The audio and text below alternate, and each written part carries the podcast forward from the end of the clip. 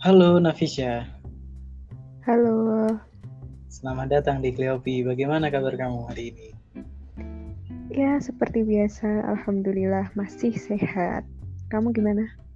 Alhamdulillah masih sehat, meskipun tetap harus mematuhi protokol kesehatan ya.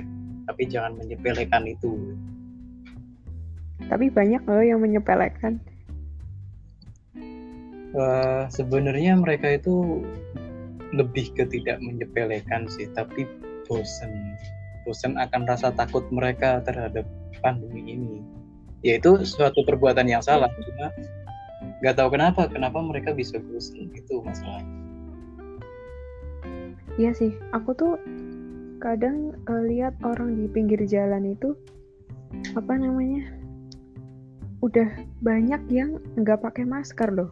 Mm-mm, banyak, banyak banget yang nggak pakai masker. Seakan-akan mereka kayak udah apa ya? eh menyepelekan penyakit itu, virus itu dan jadi kebiasaan. Ya itu. Sebenarnya kalau dari sudut pandangku ya, dari sudut pandangku tuh mereka itu nggak menyepelekan sebenarnya. Ya meskipun covernya dinamakan menyepelekan, tapi menurutku it- mereka itu tidak menyepelekan, tapi bosan. Mereka itu capek. Kesannya tuh gini, seolah-olah tuh mereka lebih baik mati oleh virus daripada mati oleh ekonomi. Ya nggak? Iya ya. Jadi mematuhi protokol pakai mas pakai masker itu sumpek loh. Mereka jualan apalagi kalau yang jualannya siang-siang itu, itu sumpek banget loh. Mm-mm. Wong kita maskeran di ruangan ber AC aja sumpek. Apalagi yang benar-benar itu di depan dagangan dan kita harus always pakai masker itu sumpek banget. apalagi apalagi kalau ini lagi olahraga ya kan lagi jogging atau lagi sepedaan. Kemarin kan aku sempet kan sepedaan pagi-pagi. Ya mematuhi protokol ya aku pakai masker. Sumpah itu aku bukannya menghirup udara segar malah. Dadaku yang sesek.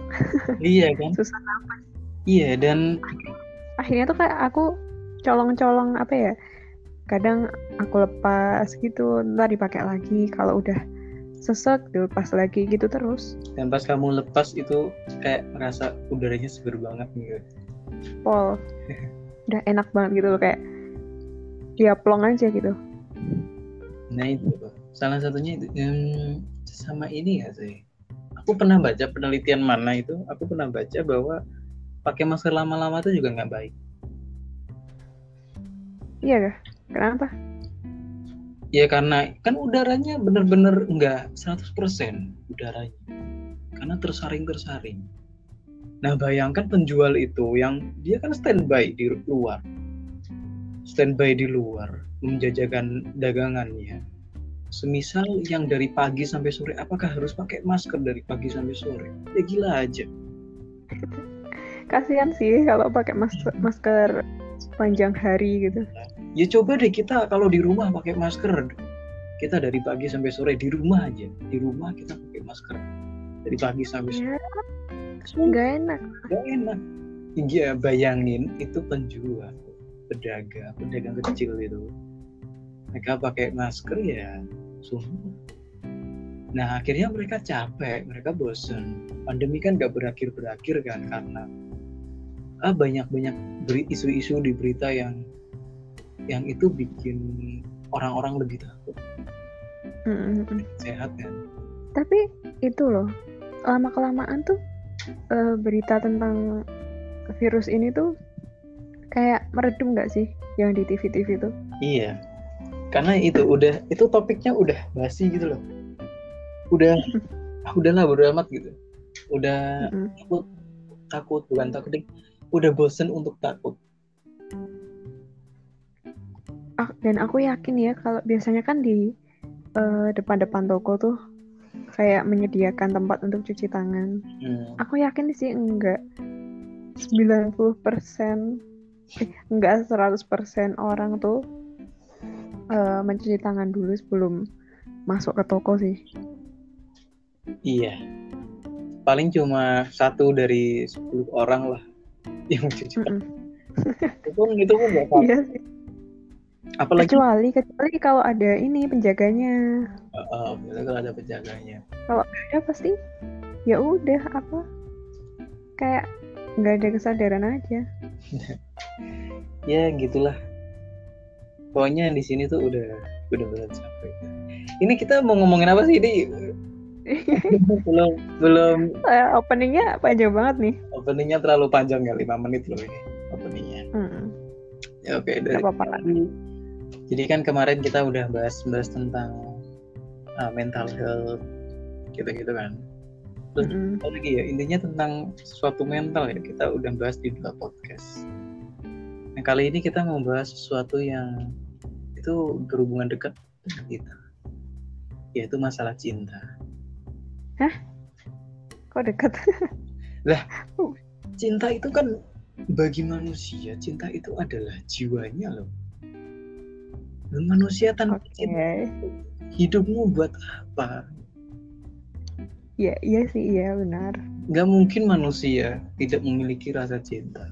Minimal cinta terhadap sendirian cinta terhadap uang cinta terhadap smartphone cinta terhadap Tuh, ya elah, emang udah kodratnya kan. iya nggak mungkin sehingga itu berhubungan dekat dengan kita cinta itu adalah jiwanya kita nah kita akan membahas sesuatu tentang cinta ini Apa tuh? Nah, sebelumnya aku mau cerita nih. Eh, mau cerita. Aku mau nanya. Kamu, kamu pernah nggak punya pengalaman tentang cinta ini? Pengalaman yang menurutmu itu paling memberikan kamu hikmah, memberikan kamu pelajaran, apa pun itu. Em, negatif positif? Ya, dua-duanya boleh.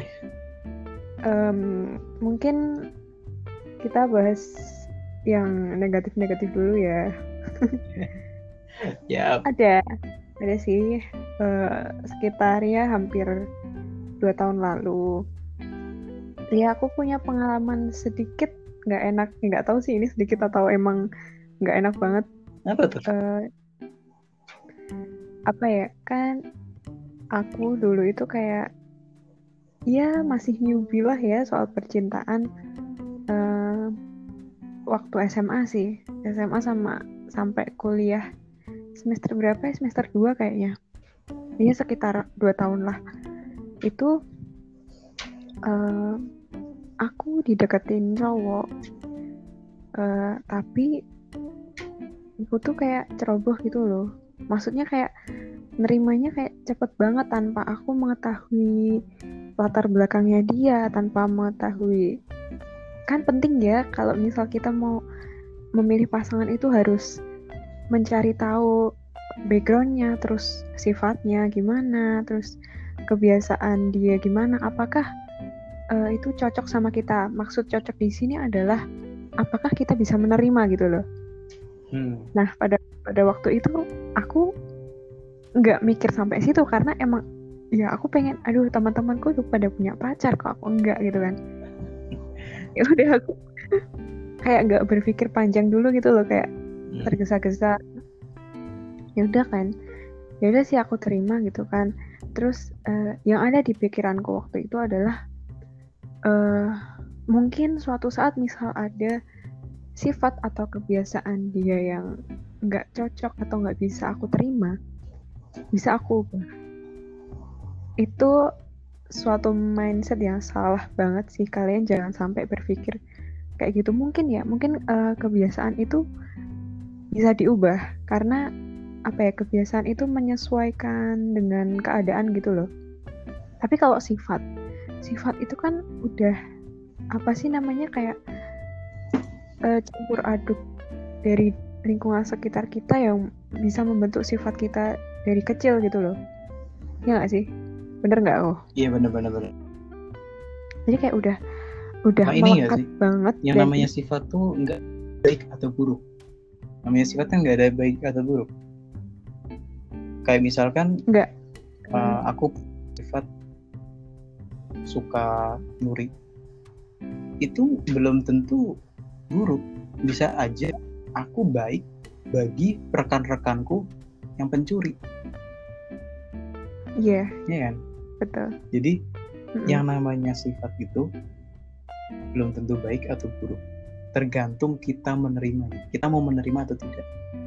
Nah, sedangkan kebiasaan itu ya sama kayak sifat, tapi beda.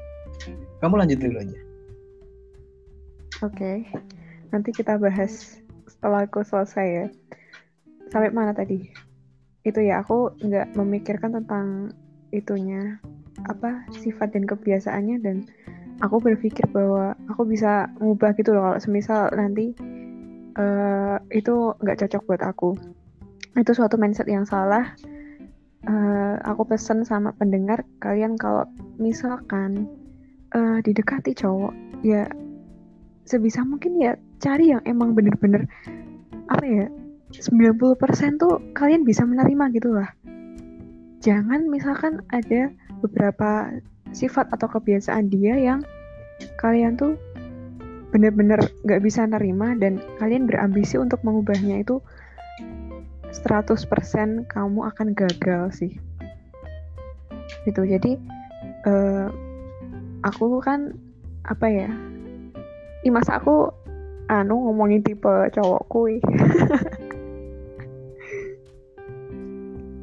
Jadi hmm, aku kan ya gimana ya suka cowok ya ya kalau bisa yang eh, sifatnya menurutku baik gitu loh terus yang kebiasaannya menurutku baik juga gitu loh tapi waktu itu Maaf, maaf sebelumnya, maaf. setelah Aku mau motong.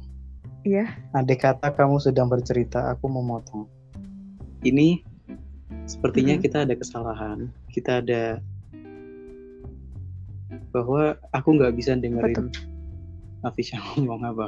Aku nggak bisa dengerin dan aku Oh. melihat di sini Afisa itu menyambungkan, menyambungkan terhubung, menyambungkan terhubung sehingga Hmm. untuk saat ini aku potong rekamannya. Ini rekamannya aku hentikan. Lalu kita akan nyoba nanti ngeplay lagi. Karena ini ada masalah sinyal, ada masalah teknis. Kita lanjut ke part 2, oke? Benar Nafisa, maaf tak potong itu. Nanti kita lanjut habis ini untuk part 2-nya. maaf ya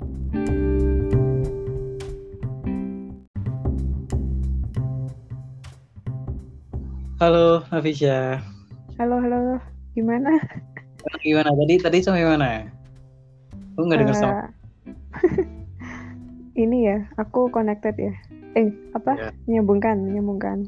Oh, connecting, connecting berarti. Ya, maaf ya teman-teman, soalnya ini kita eh, apa sih tergantung sinyal kita di tempat masing-masing gitu loh, karena ini nggak nge-record langsung. Iya, betul sekali. Jadi tadi sampai ini sih aku ragu nih mau cerita tipe cowokku apa enggak. Eh, buat- boleh boleh ceritain aja. Buat perbandingan aja gitu kayak mauku gini, eh ternyata dapat ini gitu loh. Iya, coba coba coba ceritakan dari sini. Iya. Eh, ya ini mungkin eh, tipe cowok pada umumnya sih. Eh maksudnya kemauan cewek pada umumnya ya pengen punya cowok yang intinya sesuai lah sama kemauan. Kayak misal ya sifatnya baik, cocok gitu loh sifatnya. Terus Hmm. apa eh, kebiasaannya juga nggak buruk kayak eh, maksud kebiasaan buruk di sini menurutku eh maaf ya ini ya ini menurutku ya menurutku ya nggak nggak dipukul rata ya Eh, kebiasaan buruk cowok menurutku adalah eh, terlalu banyak merokok terus jarang olahraga. Terus eh, apa sih namanya kayak menghambur-hamburkan uang terus meng- kayak terlalu banyak membuang waktu untuk hal yang tidak penting. Terus nggak rajin beribadah mabuk sering mabuk-mabukan pokoknya yang itu tuh efeknya tuh negatif lah ke tubuh dia sendiri gitu loh. Aku tuh nggak suka karena ya aku aja mencintai kamu masa kamu tidak mencintai tubuhmu sendiri gitu loh. Gitu. Eh, tapi bisa jadi itu cara dia mencintai dirinya sendiri loh. eh ya iya tapi kan efeknya loh efeknya ke tubuh kan nggak baik. Iya Mungkin iya kalau menurutku itu bukan mencintai diri sendiri cuma eh mencintai ya dia mencintai kebiasaan yang itu tuh sebenarnya mungkin bisa dibilang enak ya bagi mereka. Soalnya aku belum gak kamu belum pernah nyoba rokok? Pernah kalau rokok tapi nggak nggak satu batang ya aku cuman cuman ini cuman ngisep satu isepan doang terus aku buang. Karena cuma penasaran oh iya emang enak. Emang enak. Aku ngerasa kalau misal aku habis satu batang aku bakal kecanduan. Cuman aku ya I love myself I love my body I love my healthy. Jadinya ya udah enggak. Nggak mau aku. Boleh aku tanya? Mm-mm. kamu nyoba rokoknya siapa? Bapak tahu gak waktu umur berapa? Tahu umur berapa? UTK apakah bapak tahu kalau kamu nyoba? Ya nggak tahu dong. Iya, anak kecil Gimana kalau bisa bapak dengerin podcast kita. Nggak nggak nggak. Nggak dengar. Iya anak kecil kan penasaran. Iya. Ya gitu nah ternyata eh ya itu kesalahanku tadi aku nggak mengulik orang tersebut. Jadinya dia benar-benar punya sifat dan kebiasaan yang itu tuh benar-benar aku tuh nggak suka semua gitu loh. Mayoritas aku nggak suka dan nggak cocok. Ya itu tadi eh merokok terus dia mabuk-mabukan tapi semenjak sama aku dia nggak mabuk-mabukan tapi niatnya bukan dari hati tapi karena pacaran sama aku Hmm, ya. kayak terpaksa aja gitu loh. Nah setelah udah selesai hubungan kita ini, ya udah dia balik mabuk-mabukan lagi. Terus eh dia, oh iya tadi tipeku aku suka cowok yang dia peduli kebersihan. Nah sedangkan waktu itu eh si dia ini dia orangnya eh apa ya namanya? Ceroboh tuh bahasa Indonesia-nya apa? ceroboh. Ceroboh tapi yang itu loh yang kotor-kotor gitulah. Pokoknya nggak nggak menjaga kebersihan. Pernah? Mas lebih kepikiran deh. Ya itu eh, dan sifat dan kebiasaan dia itu baru ketahuan setelah setahun setelah setahun. Yap. terus setelah eh, sebelum setahun itu kalian ngapain aja kok? Nggak kenal. Nggak tahu kalau ternyata kayak gitu gitu. Hmm, ya cuman waktu itu sih apa ya kayak cuman makan di luar atau nonton di bioskop. Ya kan? Nggak ngerti sifat aslinya gimana. Nah kan paling-paling di bioskop ngapain buang sampah atau apa gitu kan maksudnya nggak kelihatan gitu loh nah waktu udah setahun aku sering diajak ke rumahnya Em, ya di sana juga ya kayak melakukan aktivitas rumah pada biasanya gitu loh kayak aku bantu masak atau bantu bersih-bersih rumah. Nah, dia kan punya ini ya, punya pembantu gitulah ya istilahnya. Dia tuh tiap apa me- setelah dia memberantakan kamarnya yang itu penuh dengan abu rokoknya. Terus aku kan bilang, eh itu kenapa nggak dibersihin? Gitu kan. Dia bilangnya lah aku kan punya pembantu. Terus aku ya dalam hati ya oh gitu kan. Nah itu menurutku kayak eh, memberi dampak buruk sih buat dia kayak jadinya anak manja gitu loh nah itu malangnya ya aku baru taunya setelah satu tahun. Terus habis itu ada saat momen di mana eh, itu bikin aku kesel banget dan kayak kecewa pengen udahan aja gitu. Eh, aku nggak tahu sih aku lebih apa enggak tapi karena kejadian-kejadian yang udah bikin aku tuh kayak pengen mundur gitu loh. Dah, ini puncaknya. Dia kan waktu itu kita kayak memasak apa sih waktu itu aku lupa nasi goreng kayaknya. Hmm. Memasak nasi goreng terus eh, nyiapin sambal gitu kan, sambal terasi yang udah itu, yang udah botolan. Mm-mm. Nah, waktu itu di sambal itu ada semutnya. Nah, nah dia spontan ambil sendok terus dia nyendok semutnya itu kan. Ya aku pikir mau dibuang ke tempat sampah ya. Ternyata apa coba? Gimana? Dia ceprotin ke tembok. What? Aku langsung kaget gitu kan. Ih, kamu kok jorok banget gitu. Aku sampai kayak pengen marah gitu loh, tapi di rumahnya ada orang tuanya ya gimana toh. Terus Marahin orang tuanya lah. Iya, jangan dong. Terus ya udah, habis itu dia bilang, kan aku punya pembantu. Pokoknya se pokoknya tuh dia tuh kayak di rumah tuh semena-mena gitu loh. Mm. Semena-mena buang sampah sembarangan, memberantaki kamarnya sendiri, mengotori rumahnya sendiri dengan alasan kan aku punya pembantu. Nah, aku mikir kan, mikir jangka panjangnya kan, waduh ini kalau ya kalau besok eh, kita bisa menyewa pembantu, kalau enggak ya aku yang repot kan, aku yang capek. Punya pasangan yang kayak gitu yang hobi memberantaki rumah, hobi mengotori rumah. Siapa sih pembantu rumah yang asli itu siapa sih sebenarnya? Istri kan? Iya. Iya kan, iya kan. Ya realistis aja. Pem- Siapa sih yang mengurus rumah yang paling banyak loh? yang paling banyak mengurus rumah. Tergantung lah. Apa? Tergantung lah. Kok tergantung? Enggak. Ya kalau misal misal istrinya eh, bekerjanya jam kerjanya lebih sedikit daripada lelaki, jadi cowoknya literally kepala rumah tangga gitu loh. Mm. Yang pasti istrinya kan. Iya.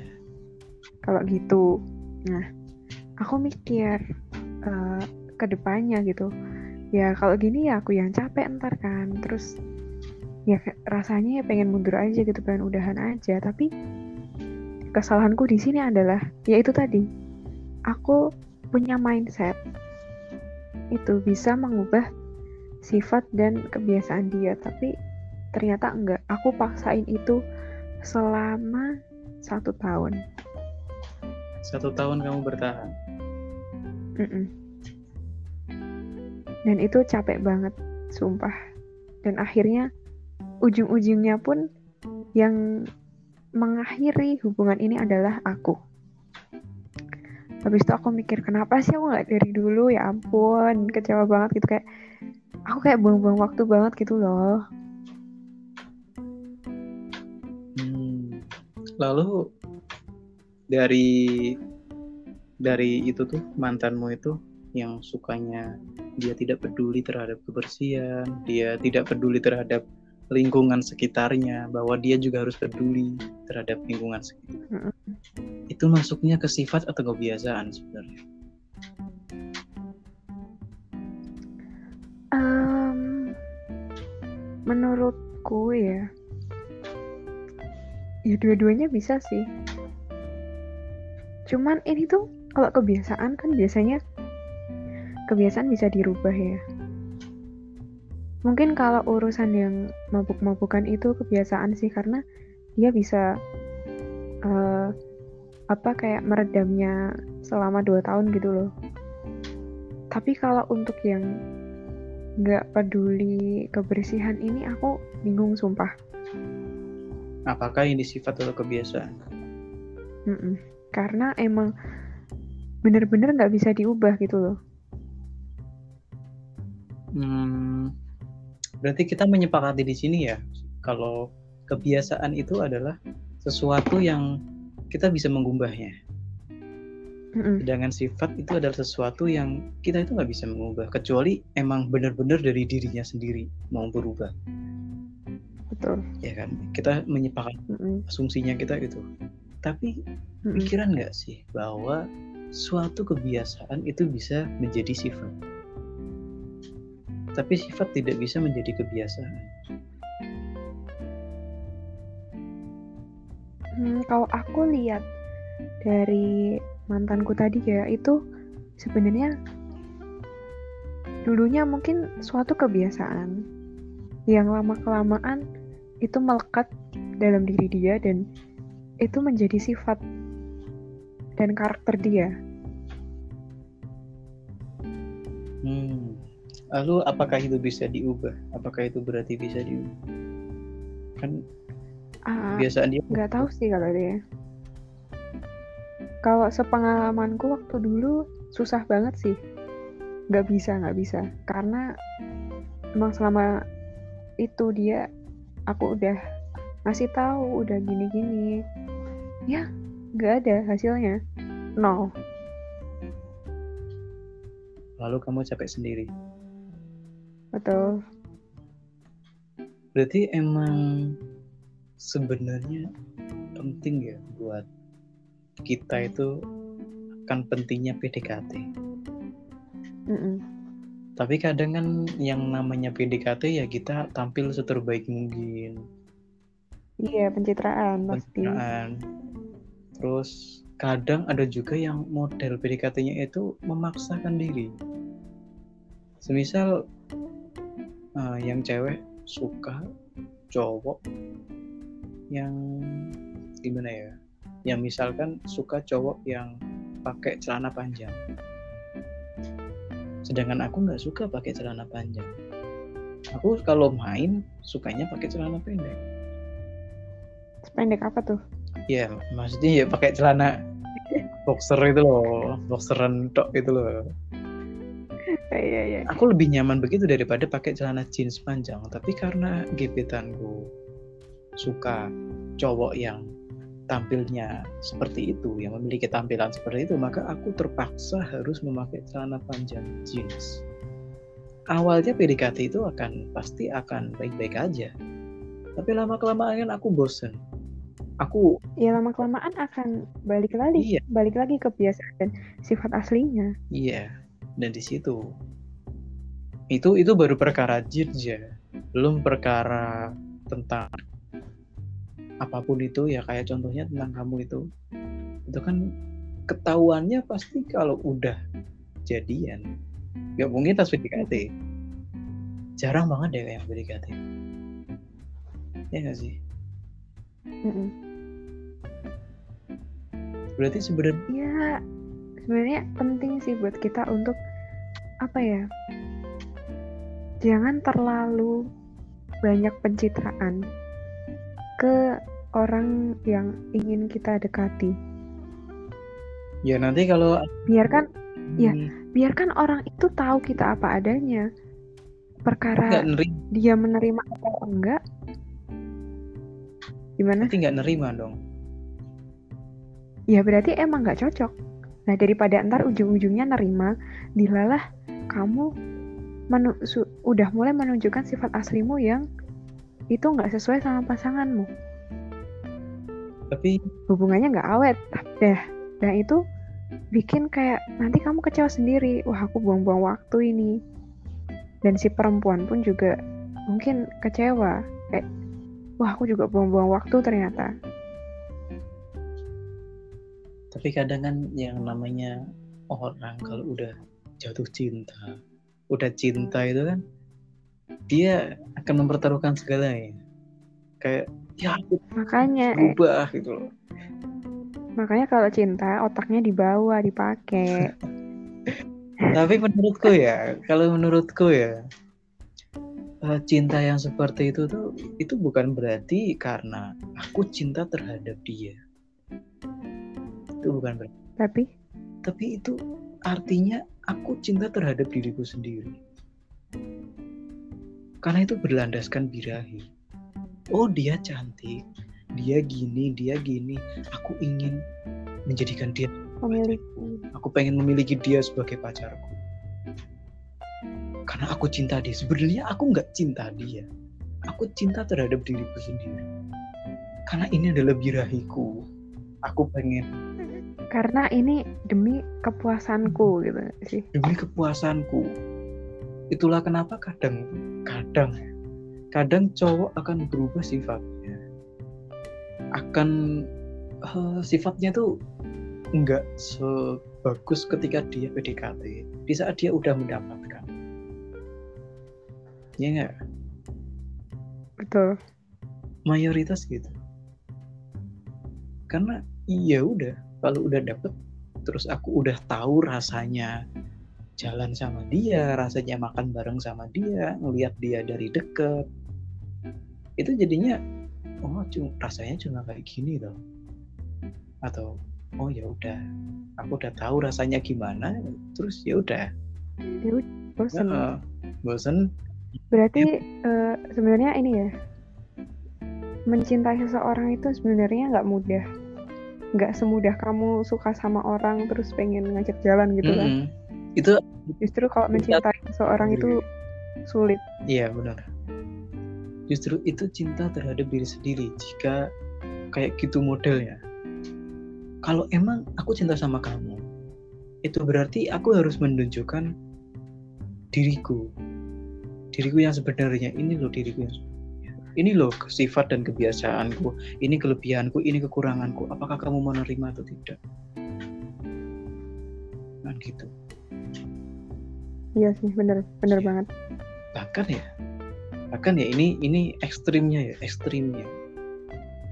Pas PDKT itu selain kelebihan, kekurangan, itu juga harus nanya, kamu sukanya tuh yang kayak apa?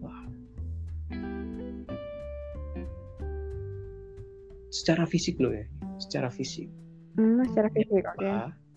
Fetismu tuh apa? Wah, kok sampai situ? Loh iya. Banyak orang pas udah bersuami istri, terus terjadinya perselingkuhan, itu karena alasannya itu tidak mampu memuaskan dalam hal seksual. Kenapa? Hmm. Kenapa ini pas pas aku aku seringnya ya kalau pas aku bilang kamu kalau PDKT kamu harus nanyain fetismu itu apa? Itu langsung eh kok kok pada gitu kok pada gitu ya? Anehnya tuh ya karena tabu tabu kenapa masih tabu terhadap hal gini? Padahal kita semua menggilai seks. Kita itu kita itu apa namanya cuma menggilai seks tapi tidak memaknai itu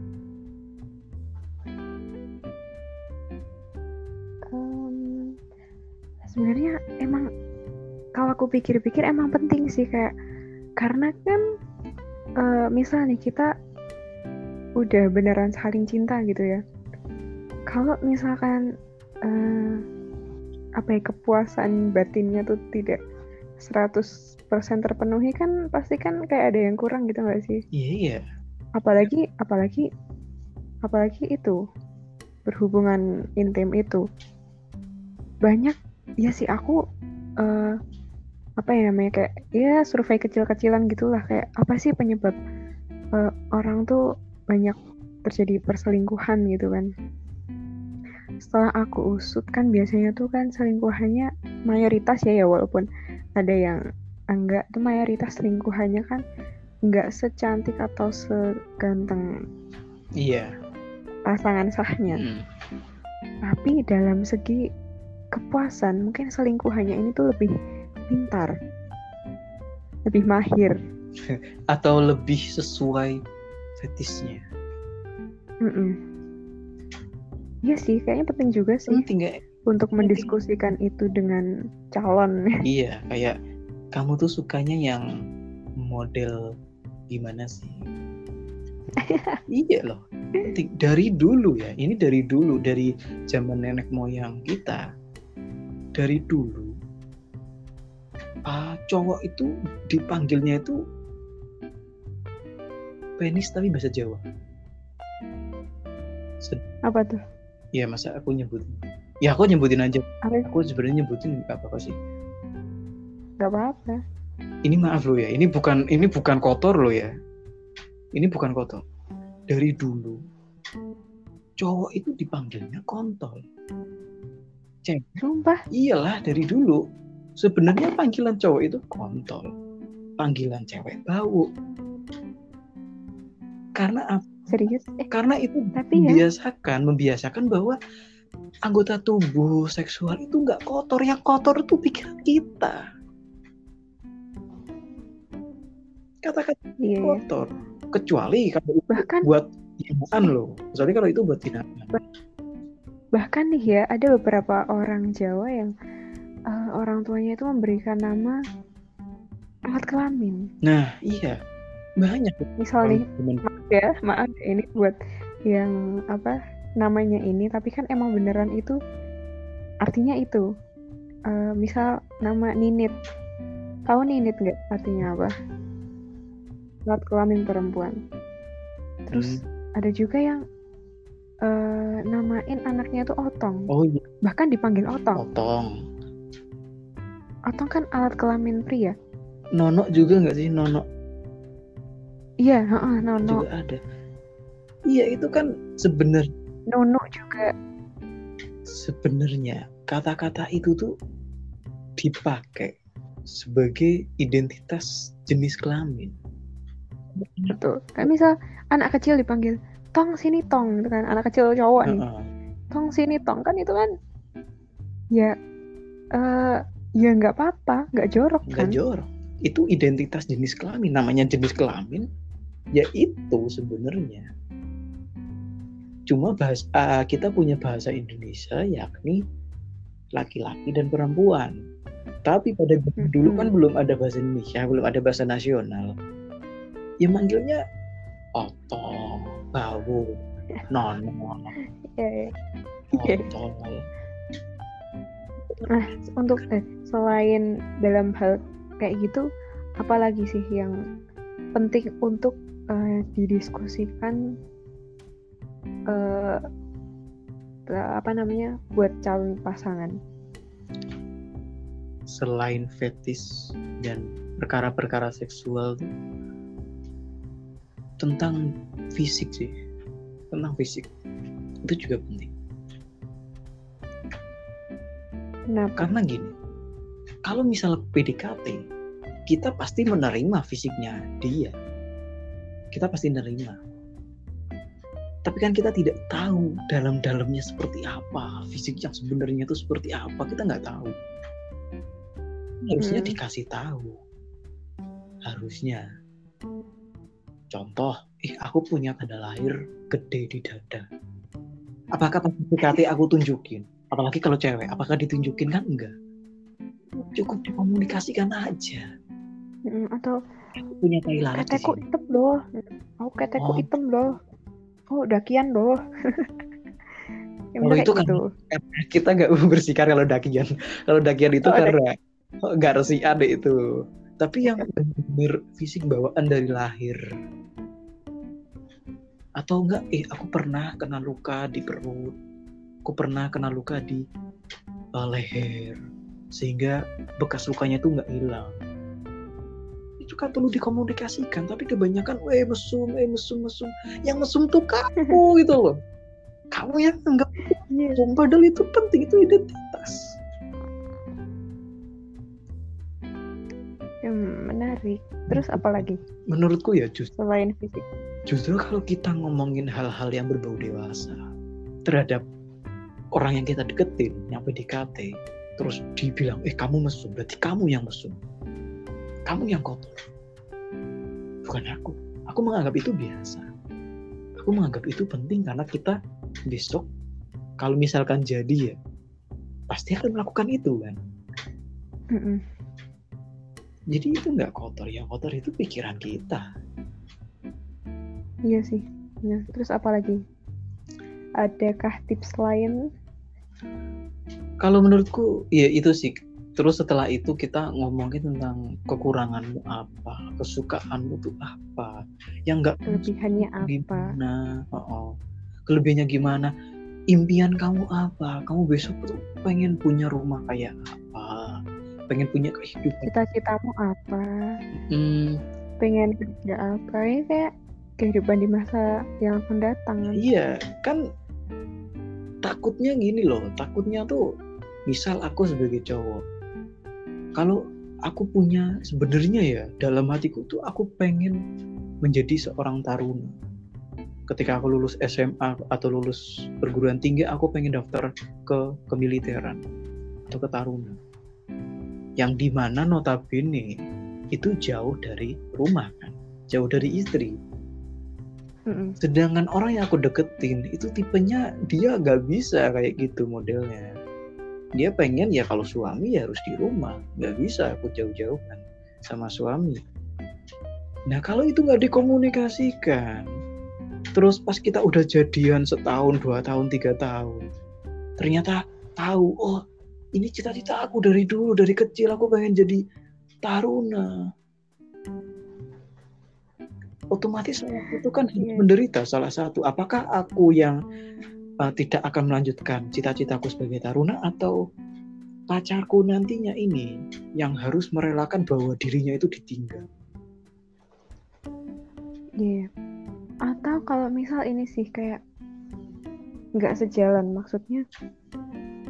Misal kamu pengen besok eh, usaha sampingan kayak buka warung atau buka usaha apa, tapi eh, pasanganmu nggak suka melakukan hal itu, padahal kamu butuh bantuan. Kamu nggak bisa jalanin usaha itu sendiri. iya bisa sih Nah itu kan kayak ya nggak sejalan. iya dan Berat sih itu. dan baru di situ kita memutuskan untuk ya udah kalau misalnya emang kita nggak sejalan kita nggak satu pemikiran kita cukupi aja sampai sini pas beda Mm-mm. PDKT Harus tegas. harus Intinya harus tegas sama diri sendiri dan hubungan nggak sih? iya dan Jangan jangan jangan memaksakan gitu. iya sama harus diingat-ingat bahwa kamu sebenarnya itu tidak cinta terhadap dia tapi cinta terhadap dirimu sendiri ya? Kalau emang kamu cinta sama dia berarti kamu nggak mau dia menderita. Menderita karena harus terpaksa menerima kekurangan kamu. Kan gitu. Kalau emang cinta lo ya. Ternyata eh, kalau dipikir-pikir percintaan memang serumit itu ya. ya sebenarnya bisa dikatakan rumit bisa dikatakan tidak jika emang itu sejalan Nah itu kan ya itu nyarinya yang sejalan kan susah mas. Iya sih.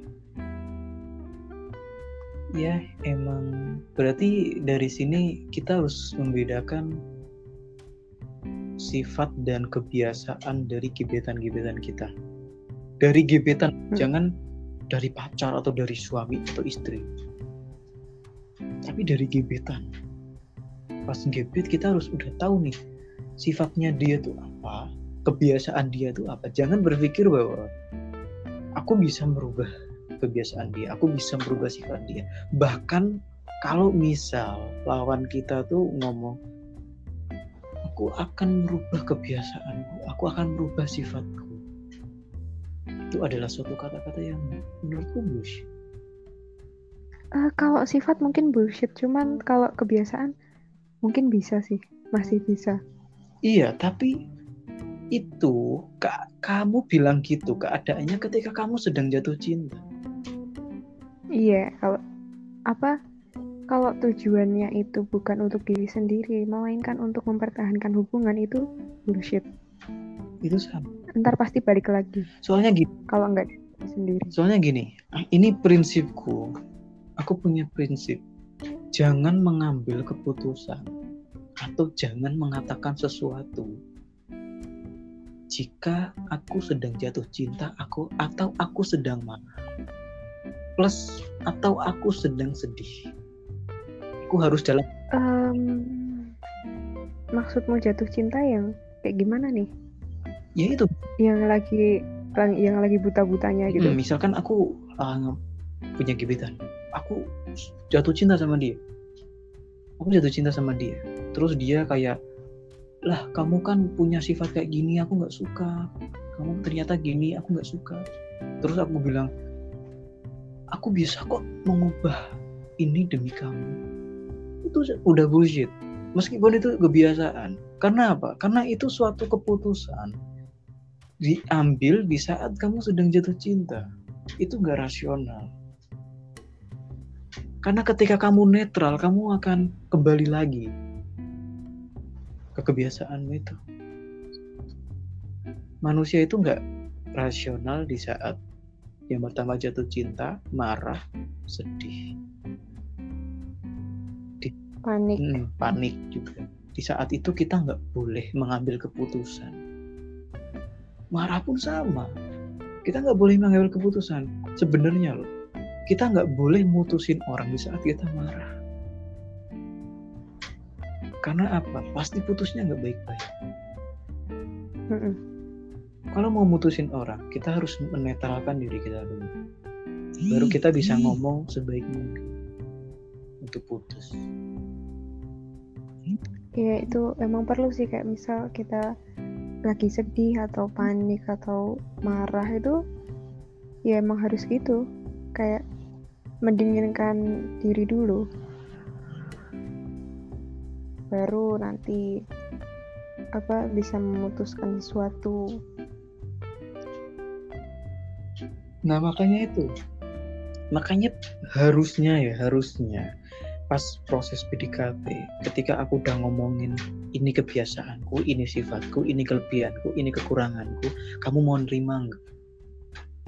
Kalau enggak ya harusnya udah. Jangan aku akan mengubah kebiasaanku, aku akan mengubah ini demi kamu. Itu udah.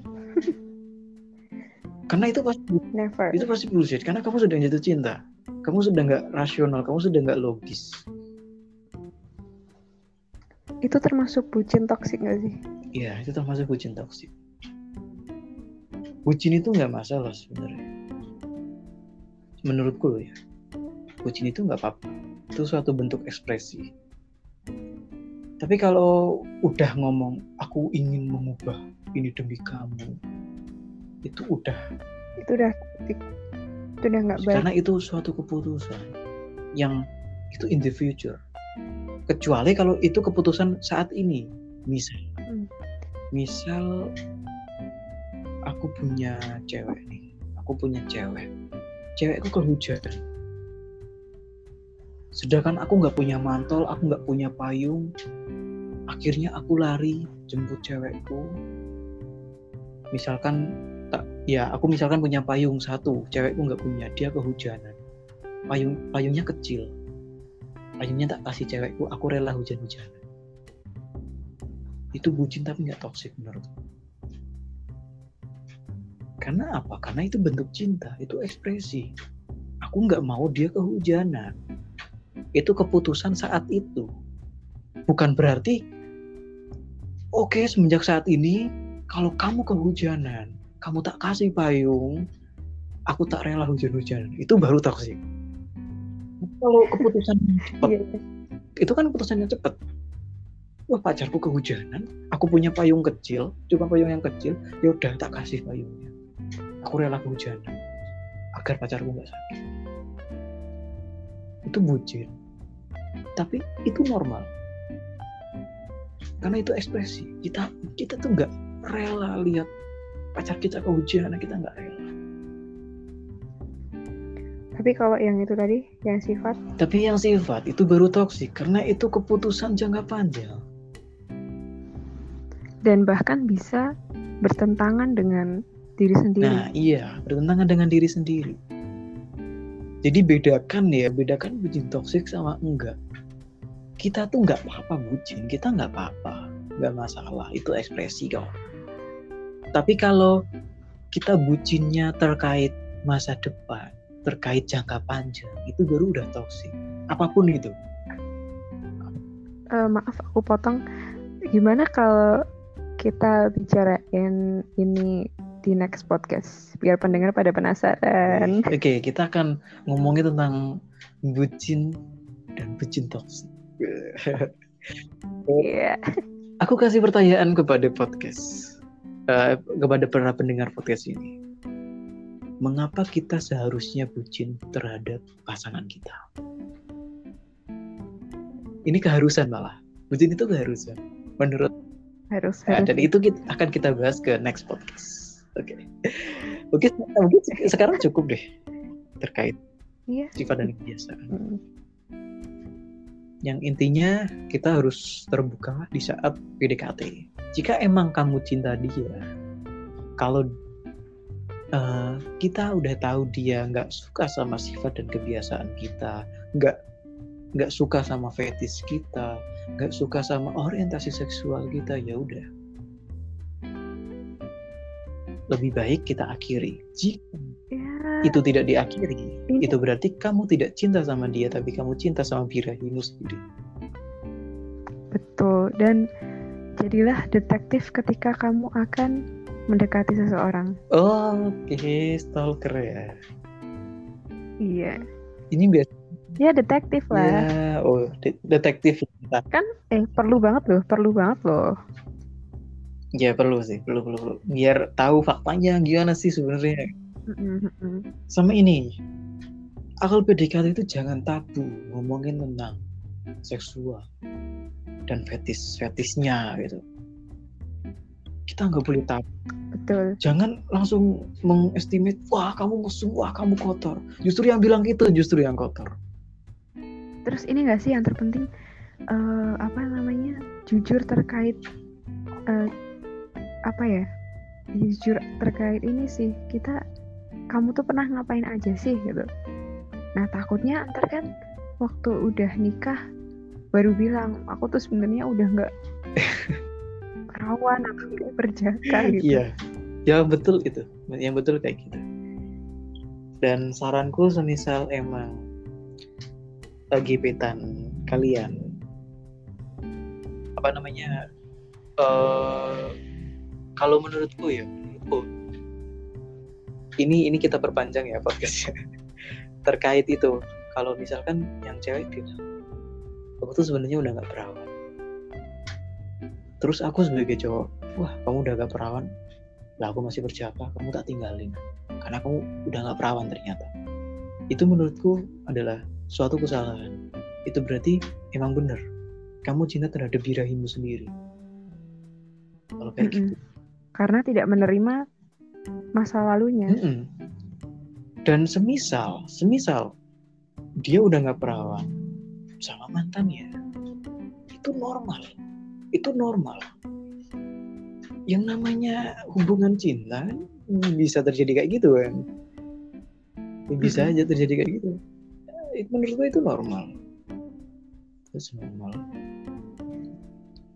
dan semisal aku menolak dia karena dia nggak perawan itu berarti aku sedang mencintai birahiku karena aku pengen merasakan dia yang perawan bukan dia yang sesungguhnya. Enggak gitu. Logik ya bisa bisa bisa. Ya intinya gitu. Kecuali kalau nggak perawan itu karena open bo itu baru atau atau udah bergilir sama beberapa dan itu baru sengaja. Uh, nggak perawan karena mungkin suatu insiden atau karena sama mantannya ya. Menurutku itu nggak masalah. Hmm. itu normal kan? Itu normal. Kan kadang kita juga nggak tahu itu eh, nggak uh, perawannya gara-gara apa. Mungkin bisa jadi uh, dulu kebentur atau emang dari sananya dia nggak punya himen. Oh iya oh. Ya oh bener nggak punya himen nggak punya himen atau himennya emang berlubang dari sananya. Mm -mm. makanya itu makanya pas PDKT itu sebenarnya harus terbuka. Cuma syarat utamanya apa pun yang dikatakan gebetan kita di dalam PDKT itu ya udah kita aja yang tahu. Jangan sebarkan itu karena bisa aja itu aibnya betul. Jadi jadilah orang yang bisa dipercaya sehingga kamu akan dipercaya oleh banyak orang. Mantap. Mungkin kayaknya udah segini aja ya udah, udah cukup, cukup ya. Udah cukup panjang podcast kali ini. Mm -mm. kita akan next kita akan bahas tentang bucin dan bucin toksik. Dan dan apa pentingnya bucin? Dan itu menurutku itu kontennya bakal eksplisit. Yang artinya jika kalian mengatakan podcast ini adalah podcast yang kotor atau podcast yang mesum itu berarti kalianlah yang mesum. Apa kalian yang mesum. Karena kita akan membahas hal-hal yang tabu. Gitu aja. Udah harus Oke. tenang. Thank you buat mendengar setia Cleo Pinai. jagalah kesehatan. Tetap patuhi protokol Tetap jaga ya kebersihan. meskipun kalian bosan kalian capek tapi tetap patuhi protokol karena namanya kesehatan itu adalah nomor satu di dunia ini Dan sehat mahal mahal harganya. harganya sehingga Dan satu lagi apa? jangan lupa bahagia Mantul. Thank you for listening. Jangan lupa untuk selalu berbahagia. Oke. Siap. Bye.